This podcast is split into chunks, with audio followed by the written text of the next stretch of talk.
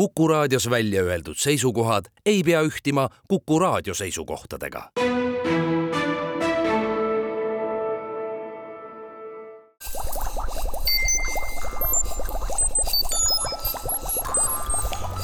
kukkuv õun head Kuku kuulajad, Kuku Õun eetris. tänane teema tuleb ülijuhtidest, magnetitest ja muudest sellistest asjadest. külla olen kutsunud keemilise ja bioloogilise füüsika instituudi juhtivteaduri ja keemilise füüsika labori juhataja Raivo Sterni, tervist.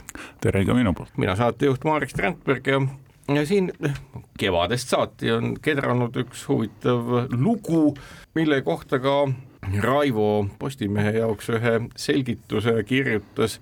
nimelt äh, väitsid, äh, väitsid ühed äh, Lõuna-Korea uurijad, et neil on õnnestunud valmis teha kõrgtemperatuurne ülijuht. mis asi üldse on ülijuht ja kõrgtemperatuurne öelda temperatuuri kohta, mis on vedela lämmastiku temperatuur tundub kuidagi kõhedust tekitav sõna otseses mõttes, aga mis selle taustaks on? selle konkreetse looga, me räägime sellest siis detailsemalt natuke hiljem, oli jutt muidugi toatemperatuursest äh, ülijuhist, nii et see on meie jaoks ka juba piisavalt kõrge temperatuur. aga loomulikult temperatuuri mõiste alati sõltub kontekstist, äh, kui me mõtleme siin äh, ka tublidele Eesti arendustele, kes tegelevad kütuseelementidega, siis seal on kõrgtemperatuur meil tuhandeid Celsiuse kraade ja, ja need, millega Elcogen tegeleb, on nii-öelda madala temperatuursed tahke, tahkeoksiidi kütuseelemendid, need on umbes kuussada viiskümmend Celsiuse kraadi. nüüd, kui ma hakkan rääkima muudest ülijuhtidest, siis kui ma ei täpsusta, siis ma tõenäoliselt kasutan Kelvini skaalat, mis siis võtab meid kakssada seitsekümmend kraadi Celsiuse nullist allapoole. Ja kõige vanemad ja tuntumad ülijuhid ilmutasid ennast tänu sellele, et inimesed üritasid lihtsalt saada madalaid temperatuure ja osutus, et kõige kindlam viis madalaid temperatuure saada on proovida mõned gaasid veeldada. ja kui tükk aega oli hakkama saadud vedela vesinikuga, mis nüüd ilmselt jälle hoopis uues kontekstis muutub meil aktuaalseks lähiaastatel, selleks et me veel ei tea, kas meie rohelised lennukid hakkavad lendama vedela vesinikuga või hästi suure rõhuga vesiniku anu, või, või hoopis patareide peal. või patareide peal või päikesega. aga siis äh, vesinikust samm edasi oli heelium ja heeliumil on selline tore omadus, et see levinum äh, heeliumi isotoop, heelium neli, äh, see veeldub nelja koma kahe kraadi Kelvini kraadi juures ja sellest piisas, et kui seal hakati uurima metallide madala temperatuuri omadusi, mille põhjal üldse oli vaja täpsustada igasuguseid teooriaid, kuidas aine tehtud on, kus on elektronid, kus on tuumad, siis üks väga tubli hollandlane Heike Kammerling-Onnes avastas, et äh, kui ta elavhõbeda peal proovis seda trikki, et vaadata, mis on tema takistus vedelas heeliumis, siis takistus muutus mõõtmatuks, mitte, mitte mõõdetavaks. oli, oli mõõtmistäpsusest väiksem. Ühesõnaga see, kas ta on null, tehniliselt võiks ta olla null, selleks et ülijuht on ei avalda mingit takistust elektrivoolu liikumisele. et, et see takistus on null, aga loomulikult igal lool on nüansse ja, ja detaile, nii et tihtipeale päris praktikas võivad seal olla väiksed mööndused. ja aasta oli siis? see oli kahekümnenda sajandi päris algus. tuhat üheksasada üksteist vist?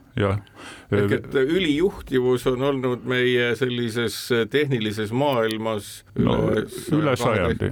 üle sajandi. ja, ja selle asja juures, kui ütleme, see eksperimentaalne uudis äh, oli, oli nii vara, siis tegelikult esimene teooria, mida usu, usuti, et äh, kirjeldab mõistlikul viisil enamuse selliseid äh, traditsioonilisi metallseid ülijuhte, see tuli alles üle viiekümne, kui ma ei eksi, kas viiskümmend kuus aastat hiljem. nii et nii kaua lihtsalt, äh, kuidas öelda, tambiti pimeduses, aga ülijuhte muudkui leiti. kas see teooria, ülijuhtide teooria, kus kirjeldatakse mäletamist mööda vist elektronide paari kaupa kollektiivset liikumist ja sellega seletatakse ära, miks siis see takistus ära kaob, kas selle teooria teooriast on tulenenud nüüd see, et me oskame ennustada, millised ained peaksid olema ülijuhid? me oskame kuigi palju, kõiki ei oska. Ja, ja sellepärast äh, sellised äh, kurioosumid löövad alati väga suuri laineid, kui, kui tuleb kusagilt mitte selgelt ennustatud uus materjal ja noh, kõige parem, kui ta siis ka jääbki äh, teaduse arhiivi tõestatud ülijuhina aga vähemalt sama palju on neid juhtumeid, kui ta paraku ei jää kui kõrgel temperatuuril siis, jättes selle Korea kurioosumi, mille juurde me kuulajatega koos ka mõne aja pärast jõuame, äh, hetkel kõrvale, kui palju siis on täna neis arhiivides tõestatud ülijuhte ja millise temperatuuri juures, millise kõige kõrgema temperatuuri juures tänasel hetkel on ülijuht leitud? ma nüüd selles mõttes tulistan endale kohe jalga, et, äh, et ma väga soovitan äh, hetkel küll valdavalt ingliskeelseid Vikipeedia lehekülgi, lehekülge, aga on olemas äh, väga hästi kirjutatud ja täpsed äh, leheküljed. alustada võib näiteks lahendamata füüsika probleemidest ja seal on üheks äh, tahkekeha füüsika lahendamata probleemiks on toatemperatuurne ülijuhtivus, aga on ka lehekülg äh, toatemperatuurset jah, toatemperatuurse ülijuhtivuse kohta ja seal, kui mu mälu ei peta, siis viimane tõendatud ettekanne on miinus kakskümmend kolm kraadi Celsiust. see on siis selline külm talveilm külm talveilm, mis tegelikult tähendab seda, et oluliselt soojem kui see vedela heeliumi temperatuur ja kõik muu siin. ja isegi vedela lämmastikku, mis on meil seitsekümmend seitse Kelvinit, et noh, see on siis ütleme jämedalt kakssada kraadi Celsiust miinusmärgiga. mille pärast niisugune eriti suur huvi ülijuhtide vastu ja sellistes inimesele kättesaadavates ja mugavates tingimustes ülijuhtide vastu üldse on? enne kui ma selle toreda küsimuse vastamisele lähen, ma võtaks veel natuke entusiasmi maha selleks, et see miinus kakskümmend kolm kraadi Celsiust juhtub paraku umbes eh, pooleteist miljoni atmosfääri rõhu all nii et, nii et väga praktilist äh, rakendust ilmselt need ülijuhid, kuigi nad on äh, rekord ülijuhtivusse mineku temperatuuriga, siis väga suurt rakendust nendest ilmselt ei ole oodata. nüüd, kui me võtame sellise, kus nagu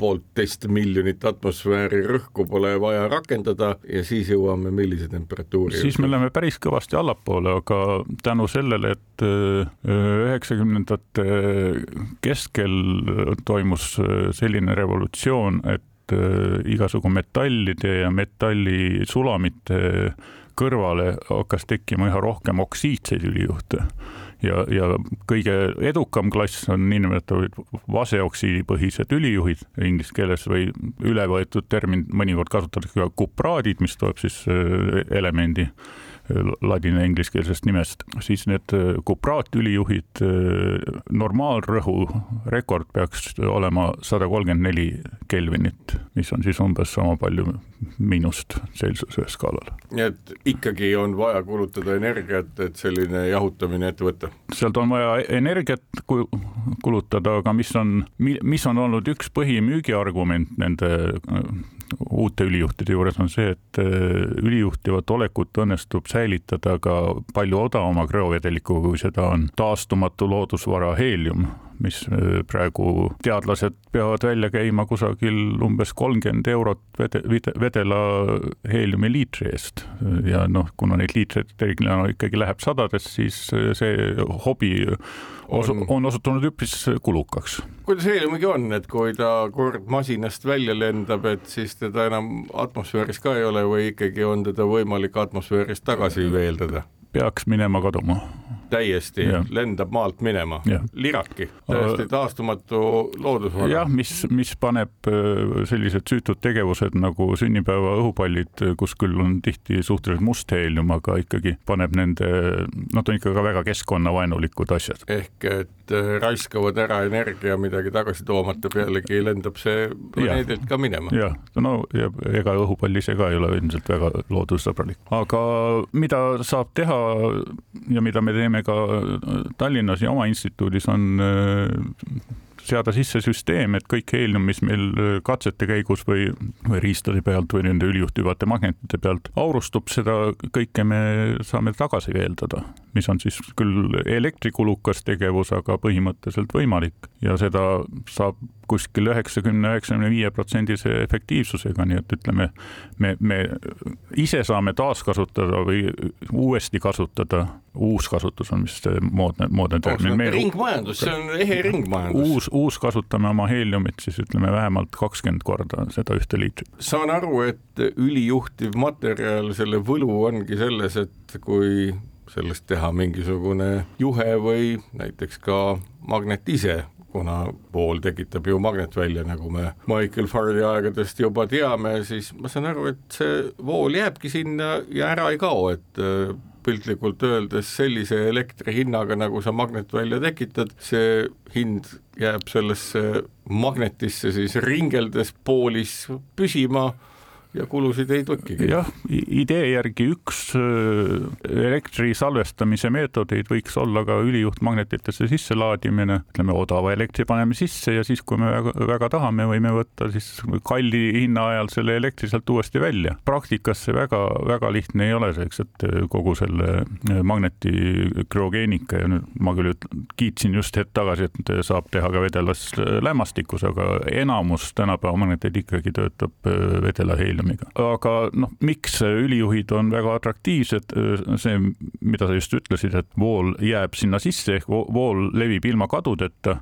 ütleme, me saame sirge juhtme puhul siis seda voolu punktist A punkti B ilma kadudeta saata noh, mis, mis näiteks äh, võiks suuremates linnades olla väga suur kokkuhoiukoht, kus juhtmed ei pea olema nii pikad, aga, aga samas kogused on suured. aga nüüd, kui me te teeme sellest äh, ringi või solenoidi ja paneme need otsad kokku, siis, siis see vool jääb tõesti sellesse ringikuulisse traati alles ja kui see on solenoid, siis äh, tekib selle südamiku vastavalt sellele voolule suhteliselt äh, tõhus ja tugev magnetväli. ma oletan, et äh, kusagilt loetult, et äh, vist selline sada tuhat aastat peaks ta, kuna ükski materjal ideaalne ei ole, selline vool püsima, kui pikalt, oletan, et on ka mingeid katseid tehtud, et kui pikalt mõni ülijuhtmagnet on järjest käigus olnud, ilma et magnetväli kadunud oleks? ma ei ole uurinud rekordite mõttes, aga me teame omast käest, et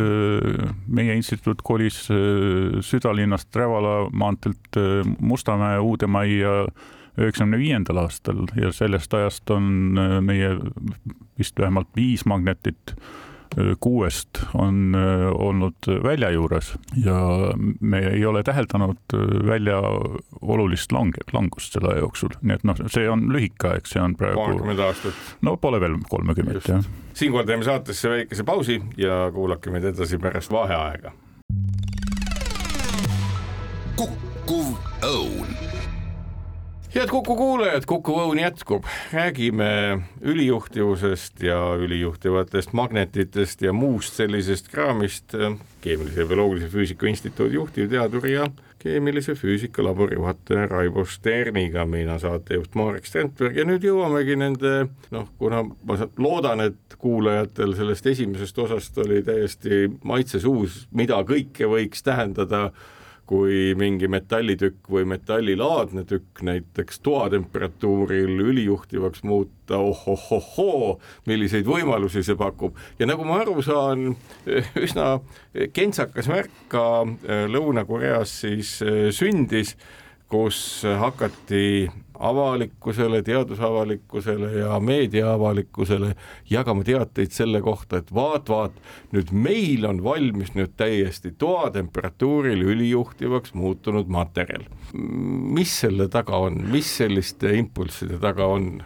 No kindlasti see lugu on äh, keerulisem, kui me keegi seda tunneme või teame, selleks et äh, reklaamides jälle kuulsat Vikipeedia lehekülge, siis kui sinna lüüa märksõnaks sisse selle viima, viimase ülijuhi nii-öelda koodnimi, suured tähed L ja K ja sidekriipsuga üheksakümmend üheksa, siis selle LK üheksakümmend üheksa kohta on ilusti dokumenteeritud eh, suur tabel kõigist nendest katsetest, kes on üritanud taasvalmistada või järele teha seda niinimetatud toatemperatuurset ülijuhti ja vähemalt viimane kord ma vaatasin eile, siis ühtegi rohelist veergu seal ei olnud, mis oleks siis nagu edukas taas, taas loomine või taaskonstrueerimine. kas need uurijad mis muidu ju tavaks, et kui keegi saab mingi uue materjali või aine valmis, siis üsna lahkelt jagatakse samadest äh, tingimustest laborist tulnud aineid teiste uurijatega, et noh, vaadake, katsuge järgi teha. sellist asja nad teinud ei ole? mina ei tea, et oleks aga see retsept oli sedavõrd lihtne, vähemalt see retsept, mida nad olid oma e eelretsenseerimata artiklitesse, mida peaks olema kaks võrgust leida, üles kirjutanud, see peaks olema sedavõrd lihtne, et seda ei ole keeruline teha laboris järgi.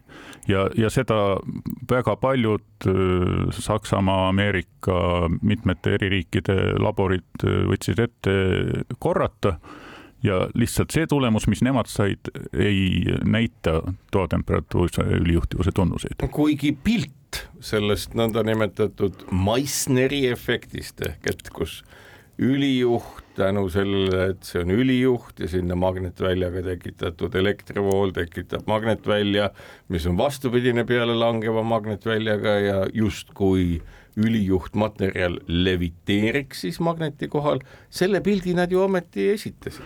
No seda, mida sa kirjeldasid suhteliselt eh, keerukalt, seda võib ka eh, iseloomustada lihtsalt diamagnetismi või diamagnetilisuse oma, omadusena või, või sellise sõnaga.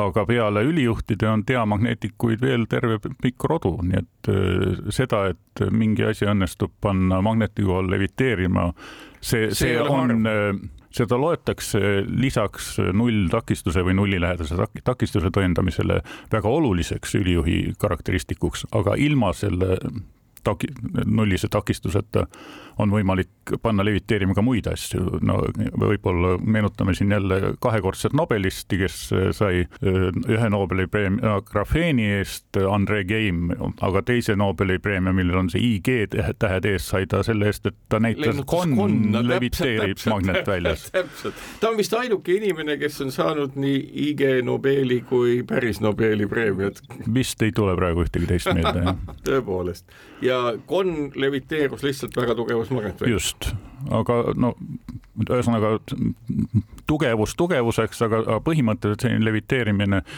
minu teada ongi ka seda nende pilti, kusjuures see leviteerimine ei olnud seal ka täielik, vaid see oli kuidagi ühe nurga peal seisev tükikene et seda on ka see diamagnetilisusega ära, ära tõestatud äh, vaatlejate, sõltumatute vaatlejate poolt. ma saan aru, et iseenesest see tööstuslik tähendus ja majanduslik tähendus ülijuhile on nii suur, et äh, selle puhul, isegi kui võimalik, et teaduslikult ausalt tehtud katsetesse välja ei tule, siis soov näidata, et ollakse saavutanud tohutu läbimurre on ahvatlev ettevõtjatele, kes loodavad siis ilmselt investoreid leida. no seal on ilmselt see pilt on väga palju kirjum ja rikkalikum, kindlasti on võimalik, et on äh, mõned mõtted patendi ja patenteerimise osas, kus äh, tuleb olla see esimene. Äh, tihtipeale patente muidugi kirjutatakse ka teiste segadusse ajamiseks, mõnikord kirjutatakse patente selleks, et teised ei saaks neid kirjutada, et ei olegi nii hea asi, kui, kui me kirja panime, aga, aga nii-öelda see es esmateade on väljas ja prioriteet on ära võetud seal Korea loo puhul võis midagi sellist olla mängus, aga seal läks ka kuidagi erinevate autorite vahel kakluseks, erivalik autoreid peal nii et ütleme, olemata päris äh, ise kokku saanud nende inimestega, siis äh, ei, ei taha neile omistada mingisuguseid väga, väga väärituid tegusid, võib-olla oli lihtsalt selline võistluse käigus läks natuke genereerima see asi. kui nüüd küsida, et teil ju ka ülijuhtide uurimine on toimunud ja toimumas, tegite ka selle retsepti järgi järele seda? meie Tallinnas ei teinud, aga noh, see sattus suveajale. aga üks minu hea koostöötaja Saksamaalt, Stuttgardi Max Planckist, kellega me tegime ühe teise aine peal just ühisartikli umbes aasta tagasi. tema küpsetas selle valmis, sai väga head ja korralikud kristallid ja ei ole seal midagi selle ülijuhtivusega pistmist äkki on niimoodi, et peabki natukene mingit mustust juurde panema, mida ei ole nii-öelda retseptis öeldud, et ei olegi äkki põhjust teha väga puhast, vaid mingisugune nii-öelda müstiline filosoofilise kivina täheldatav lisaaine, millest nad ei räägi targu? no tegu on tegelikult tõesti nii-öelda legeeritud öö, oksiidiga, kus on mingi osa öö, pliid on asendatud vasega aga see, see ei ole mingi tarkadikivi või tundmatu asi, need on kõik meie, meile hästi tuntud teatud äh, keemilise perioodilise süsteemi elemendid.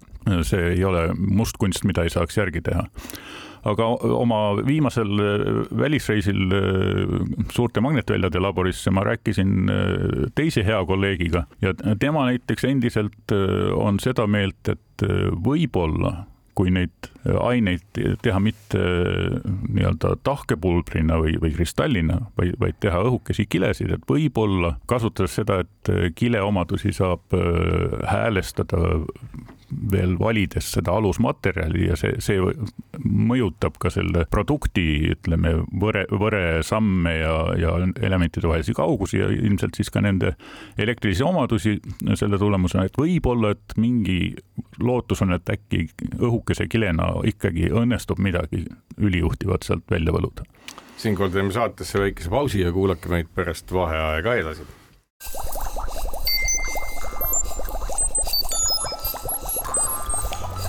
Kuku Õun head Kuku kuulajad, Kuku Õun jätkub.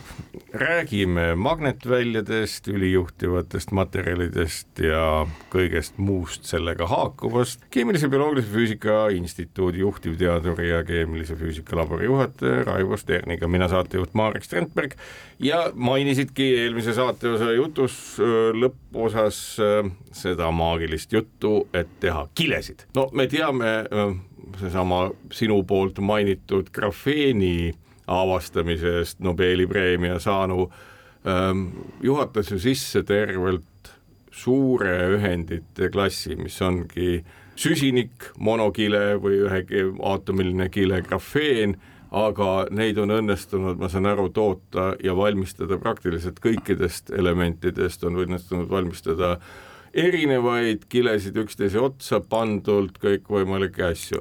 grafeeni puhul me teame imehead soojusjuhtivust, kas grafeenilaadsed kiled on ka head ülijuhid? iseenesest äh, päris graf-, grafeeni puhul tuleb teha see väike mööndus, et äh, inimestel meeldib äh, grafiidi pealt grafeeni peale hüpata kuskil, kui neid süsinikukihte on üksteise otsas no kümme või vähem. aga noh, ütleme, kui kui tahta olla niimoodi puhas grafeen, et ongi päris ühekihiline, siis see ei ole ülijuht, aga ta on väga hea elektrijuht ka. Nüüd, kas sellised orgaanilised ained, ma tean ka, et ju on erinevaid orgaanilisi ühendeid, mis on ka näidanud väga head elektrijuhtivust ja vist isegi ülijuhtivust? on ülijuhte, aga tagasi veel korraks selle grafeeni juurde, kui me nüüd võtame teise tasandi sellele esimesele juurde ja kui me asetame ta täpselt äh, peale sellele olemasolevale tasandile, siis ka see kaksikkiht ei ole ülijuht. aga kui me pöörame seda ülemist tasandit natukene, seda, seal on jälle üks äh, termin, kus tuleb sisse maagiline nurk, aga see maagiline nurk on kusagil suurusjärk üks-kaks kraadi, siis on võimalik, et see pööratud kahekihiline grafeen on ülijuht. kas sinu kolleeg Ameerikast, kes sellist eh, kihijuttu rääkis ka nende lõunakorealaste leiutatud materjali puhul, pidaski midagi sellist silmas? ei, ma, mulle jäi mulje, et ta uskus päriselt, et ikkagi tehakse, lihtsalt kasutatakse mingile ilmselt veidi spetsiaalsemal alusel see kile. see grafeeni äh, ülijuhtivus, see on ikkagi päris omaette suur fenomen. minu teada ei ole sellele päris selget teoreetilist põhjendust, miks, miks sellisest pööramisest peaks tekkima nüüd nii suur omaduste muutus, et isolaatorist saame, mitte isolaatorist, aga mitte ülijuhist saame ülijuhi kas seda on praktiliselt mõõdetud? selle kohta on ka Nature artikkel olemas, mida minu teada ei ole tagasi võetud, erinevalt mitmete äh, nende kõrge rõhuga ja toatemperatuuri lähedaste ühendite Nature artiklitest. kas ka kõrge rõhuga ülijuhtivust kirjeldavatest äh, nähtustest äh, artiklid on tagasi võetud siis? on võetud ja, ja praegu kõige kuulsamaks autoriks on saanud äh, üks Ameerika rühmajuht, kes on meil Rochesteri ülikooli laboratooriumis, nimi on Ranga Dias ja viimane artikkel, mis ilmus aprillis, aprillis äh, äh, Nature'is. selle kohta on nüüd Nature kodulehel üleval väike hoiatus, et, et hetkel ei ole veel selge, kas siin äh, raporteeritud tulemused on päriselt usaldusväärsed. kui neid samu Lõuna-Korea kupraategi on erineval moel vaadeldud, järgi tehtud, kas siis kogu see ülijuhtivust mõõtvate vahendite arsenal on püüdnud ka neid kristalle näiteks allutada noh, ma ei tea, kas nüüd pooleteist miljoni atmosfäärisele rõhule või natuke madalamale ja jälgida, mis seal toimuma hakkab. ma ei tea praegu, kas rõhu, rõhutöid on tehtud jälle, kõige, kõige lihtsam viis on minna sinna LK üheksakümmend üheksa kodulehele ja, ja vaadata, vaadata, kas sinna tabelisse on tekkinud mingisuguseid rõhu all asju, aga visuaalselt on kõige kiirem pilk see, et punase taustaga tabeliveerud on negatiivsed tulemused ja kollakad on sellised, kus äkki midagi isegi on õiget ja rohelised peaksid olema need, kus on äh, suudetud äh, tõendada ja rohelist vähemalt eilse seisuga selles tabelis ei ole. kui nüüd äh, tulla selle fenomeni laiema tausta juurde, et bluffist ei ole vaba mitte üks inimtegevuse valdkond, tundub, et ka mitte teadus.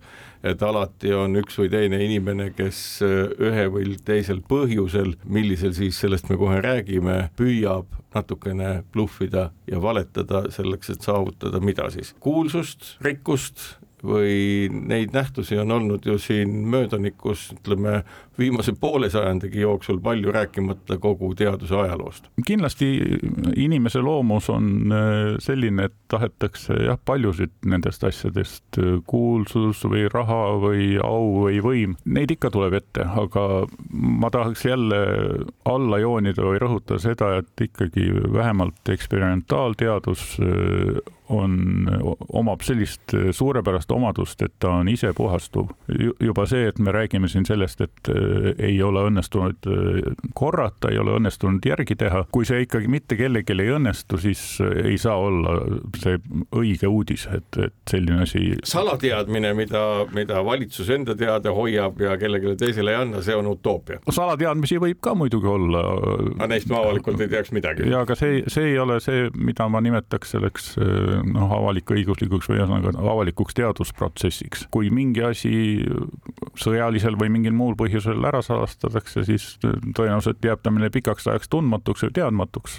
ühel, mingil ajal tuleb ta tõenäoliselt jälle välja, selleks et need saladustel on, on mingid eluead ja nende otstarbekus nende salajaseks hoidmisel ilmselt ajas kaob, aga põhimõtteliselt sõltub teadlase intuitsioonist, ühesõnaga sealsamas kohtumisel eh, üks teine kolleeg väitis, et temal kulus nanosekund, et eh, aru saada, et see teadmine on vale kas ta põhjendas ka, mille tõttu? lihtsalt ta on nii kogenud. ja no ülejäänutel läks siis ja. paar nädalat, aga kui ei kontrolli, ei, ei tea ja samas äh, ei, ei ole ühtegi asja, mis saab jääda väga pikalt niimoodi vinduma, et äh, noh, kas nüüd on või ei ole. kui ikkagi teadusüldsus on, on sinna panustanud, on, on äh, energiat andnud ja jaganud oma tulemused välja, siis ilmselt väga mõistliku aja jooksul saab selgeks, kas oli tegu uudisega või libauudisega.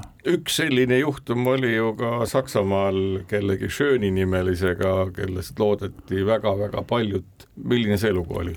nüüd me läheme natuke sellise kriminaalse poole peale, selleks et on esinenud juhtumeid ja Schöni juhtum oli paraku üks nendest, kus äh, inimesed on publitseerinud äh, andmeid mida kolleegid tähelepanelikult uurides on, on märganud, et need andmed, ütleme, erinevate ühendite kohta ja erinevates artiklites on, on need pildid samad, on, on kasutatud sama andmehulka, näiteks on samasuguse müraga signaalid, on, on samasugune käitumine, natuke on midagi kuskilt kohendatud, on vahetatud ära nimed ja Schöni puhul oli ilmselt tegu suhteliselt noore inimese noh, väikese, väikese hullustusega, kus ta lootis, et niimoodi toimetades ta saab endale piisavalt suure akadeemilise vaba, vabaduse. minu meelest oli mängus seal lausa ühe Saksamaal väga kuulsa võrgustiku Max Plancki instituutide direktori koht, suhteliselt värske järeldoktori taustaga inimesele ja tõenäoliselt see lihtsalt pani ta tegema täiesti kriminaalseid asju ometi ka tänu sellele, et teadus on õnneks läbipaistev, sellega jäädi väga kiiresti vahele. sellega jäädi vahele, no need lood on kõik suhteliselt sarnased, ühesõnaga tihti on selle nii-öelda uudise välja toonud laboril on vähemalt üks või paar väga lähedaselt nii-öelda võistlevat või, või paralleellaborit. ja seal, seal tuleb mängu siis ka see võimalus, millest sa mainisid, et kui objekti valmistamine on sedavõrd keerukas, et seda ei pruugi teistel õnnestuda, lihtsalt see noh, on, on lihtsalt nii mitmeid samme sisaldav ja, ja raske või on raske kirjeldada või lihtsalt oli, oli hea õnn, siis on see ten tendents ka olemas või selline mehhanism, et siis saadetakse nendele võistlevatele või sama võimekusega laboratooriumitele tõesti enda tehtud materjale ja nemad peavad tegema sellised samasugused mõõtmised ja peavad suutma näidata, et nad saavad samad tulemused. Nii et see on selles mõttes noh, nagu keerukama stsenaariumi küsimus, et kõige lihtsam on see, kui nagu Betnorts ja Müller oma kupraatidega, kui nad olid ikkagi ära kirjeldanud, kuidas neid teha, siis hakati neid tegema alguses kümnetes, siis sadades laboratooriumites ja kõik said ülihuid noh, umbes samasuguste omadustega nagu no, nobelistid esimesena. aga kui see on keerulisem, siis on see võimalus, et saadetakse kolleegidele uurida sellest kõigest välja jääb veel terve rida sellist veidrust, millele ka vahel teaduse nimigi külge poogitakse, mis on täielik eba- või libateadus aga see põhineb enam-vähem samasugustel nähtustel, lihtsalt mitte iialgi libateaduslikke fakte, mida meie ümber no kubiseb täiesti, nagu me teame ka kogu sellest koroonapandeemia ajast, neid ei jaksa mitte keegi kontrollida ja mitte iialgi ei hakka tegema, aga nendel on väga libe minek meie teadvusse. jälle, jällegi see ei ole minu e-, eriala. ja seda ütlevad kõik viisakalt räägi, rääkida in, inimeste psühholoogia erisustest ja kalduvustest, aga tõenäoliselt on ära seletatav, miks sellised lihtsad loogilised äh, lood või retseptid äh, saavutavad suurema populaarsuse kui keerulisemad ja raskesti mõistetavad. siinkohal teeme saatesse väikse pausi ja räägime oma juttu edasi saate viimases osas. kukkuv õun head kuulajad, Kuku Õun jätkub, külas Keemilise Bioloogilise Füüsika Instituudi juhtivteadur ja keemilise füüsika labori juhataja Raivo Stern, mina saatejuht Marek Strandberg ja kõneleme natukene ka sellest su hiljutisest käigust väga tugevate magnetväljade tekitamise laborisse. kui tugev siis täna kõige tugevam magnetväli, mida suudetakse maa peal tehislikes oludes tekitada, ka on? Neid, neid erinevaid rekordtugevusi tuleb ilmselt eristada selle tekitamise meetodi järgi.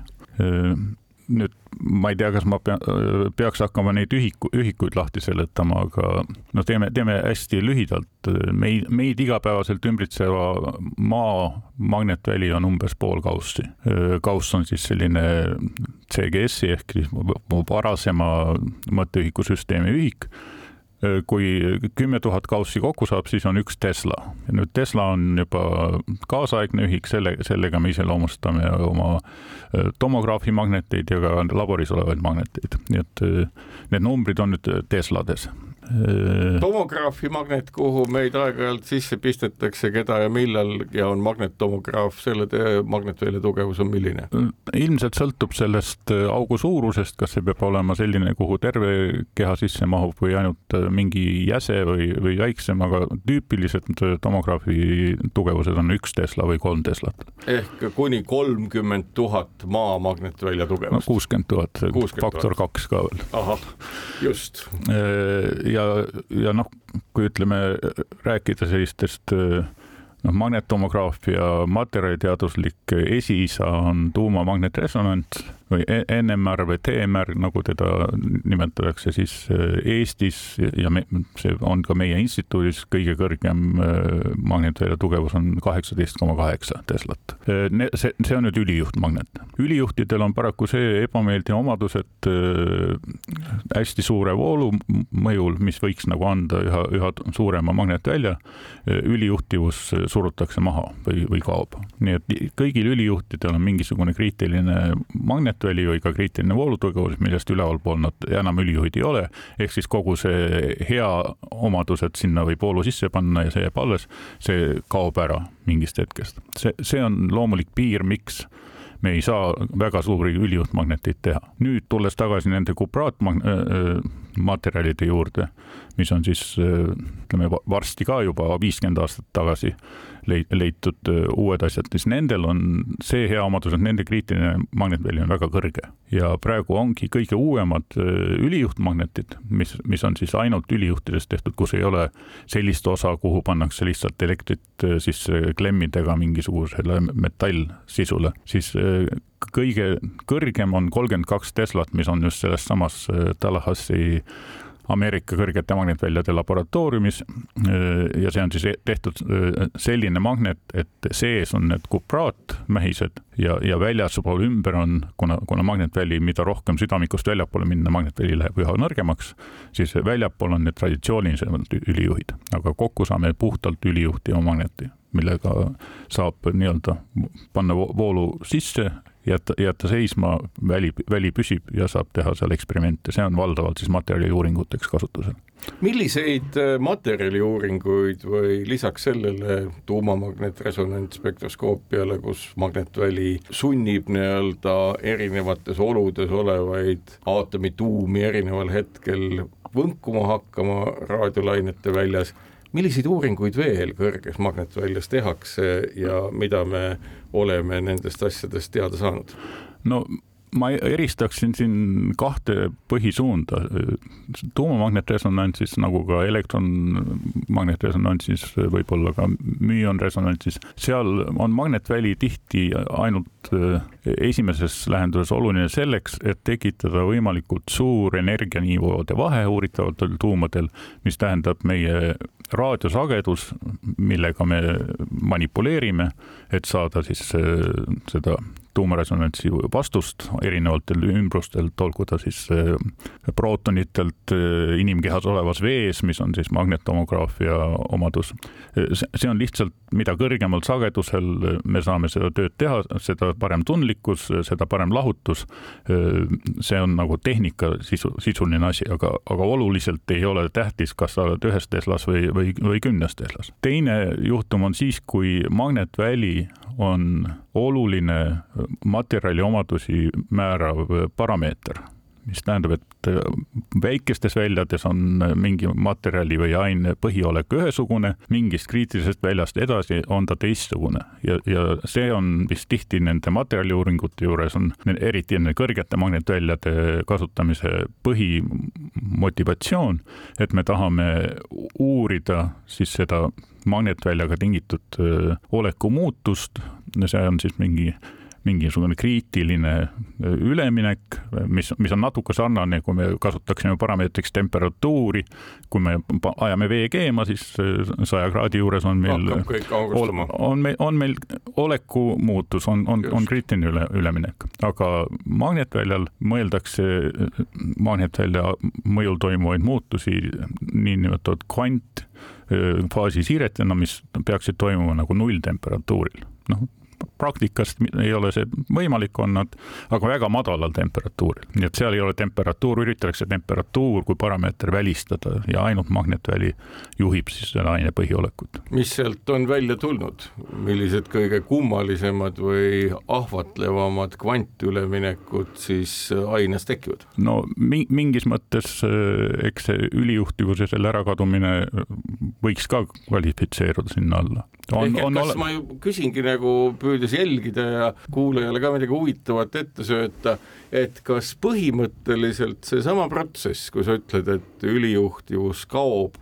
ära ülijuhis mingi magnetvälja tugevuse puhul, kas selle kadumise mehhanism võiks anda meile ka vastuseid sellele, kuidas ülijuhid toimivad? ta ilmselt annab selleks, et äh, kui me nüüd jälle läheme nende üli, ülijuhtide olemuste juurde, siis need nii-öelda ära seletatud ülijuhid, kus, kus me usume, et äh, metallides ja nii-öelda nii konventsionaalsetes või tuntud ülijuhtides toimub kõik enam-vähem ühtemoodi, et meil on teatud võremõnkumised, mis panevad meil laenguga endad elektronid või siis äh, augud paari ja pärast seda paarid saavad meil levida takistusevabalt, alluda teistele, teisele statistikale.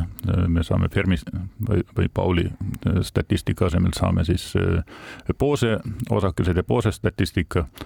siis lisaks ülijuhtivusele on võimalik tekitada ka magnetväljaga mitmesuguseid huvitavaid kondensaate. Ja noh, kõige tuntum on siis see Bose-Einsteini kondensaat, kus jällegi mingisugused Bose statistikale alluvad elementaarergastused õnnestub äh, panna kõik ühele samale põhienergiale, see on, see ongi nende stat-, statistikate põhivahe, et et Fermi osakesi me saame ainult kaks panna või noh, vastupidise spinniga, vastupidise spinniga energiale, ehk, ehk siis kondensaat ei ole võimalik, aga pooseosakestel seda piirangut ei ole, me saame nad kõik panna samale energiale. Ja sellised kondensaadid siis natuke vast teistmoodi kui ülijuhid võivad pakkuda huvitavaid rakendusi. kui küsida, kas Eestis nii-öelda sellepärast peabki liikuma kõikjale mujale kui tugev magnetväli meil on õnnestunud just nimelt mitte tuumamagnetresonantsi, vaid tean ka, et teil ju on väga põhjalikud magnetmaterjalide uurimised ja magnetväljade uurimised, kui, kui suurt nii-öelda magnetvälja näiteks teie instituudis teha suudetakse? mingist hetkest, mingist väljatugevusest alates muutub selline iga oma väikses laboris selle magnetvälja rekordi tagaajamine või suuruse tagaajamine suhteliselt mõttetuks ja ka väga-väga kalliks. nii et meil on hetkel veel ainult need nii-öelda vana, vana tehnoloogia ülijuhtmagnetid ja materjaliteaduse alal kasutatavad lähevad meil seitsmeteist Teslani, aga on ka siis neljateist Teslast, on, on mitmesugused süsteemid, kus saab mõõta erinevaid aineid. aga Euroopas on lahendatud äh, kõrgete magnetväljade küsimus suhteliselt elegantselt, on olemas selline laboratooriumite ühendus, nagu Euroopa kõrgete materjali, magnetväljade labor, EMFL on selle lühend, punkt EU-ga on ka võrguleht äh, leitav. Ja see koosneb hetkel neljast füüsilisest laboratooriumist, millest kaks on Prantsusmaal, üks Grenoblis, teine Toulouse'is, üks on Saksamaal Dresdenis ja üks on Hollandis Nijmegenis. ja nende ümber on kujunenud nüüd siis see kasutajaskond, ühesõnaga need laborid on pannud püsti magnetaja küsimise süsteemi, on olemas komisjonid, kes hindavad neid taotlusi ja kui see leitakse mõistlik olevat, siis antakse magnetaeg soovitud magnetsüsteemi peal nendes neljast laborist ja siis äh, on võimalik eksperimentaatoril minna ja oma katse sooritada, mis tähendab, et me ei pea tegelikult tingimata Tallinnas või, või mõnes Tartus või, või mõnes, mõnes väikses laboris katsuma neid rekordväljasid ise kuidagi tekitada, vaid meil on võimalus minna ja kasutada neid olemasolevas Euroopa struktuuris. aitäh, Raivo Sternets, et tulla rääkima nii ülijuhtidest kui magnetitest ja sellealasest koostööst. teaduskoostööl põhinebki, nagu me aru saime ka saatest, sest ka kõikvõimalikud pettused ja ebateaduse ilmingud tulevad teaduses välja põhiliselt just koostöö tõttu. sellega aga on Kuku Õuna saade tänaseks läbi, kuulake meid jälle nädala pärast ja seniks kaunist päeva teile.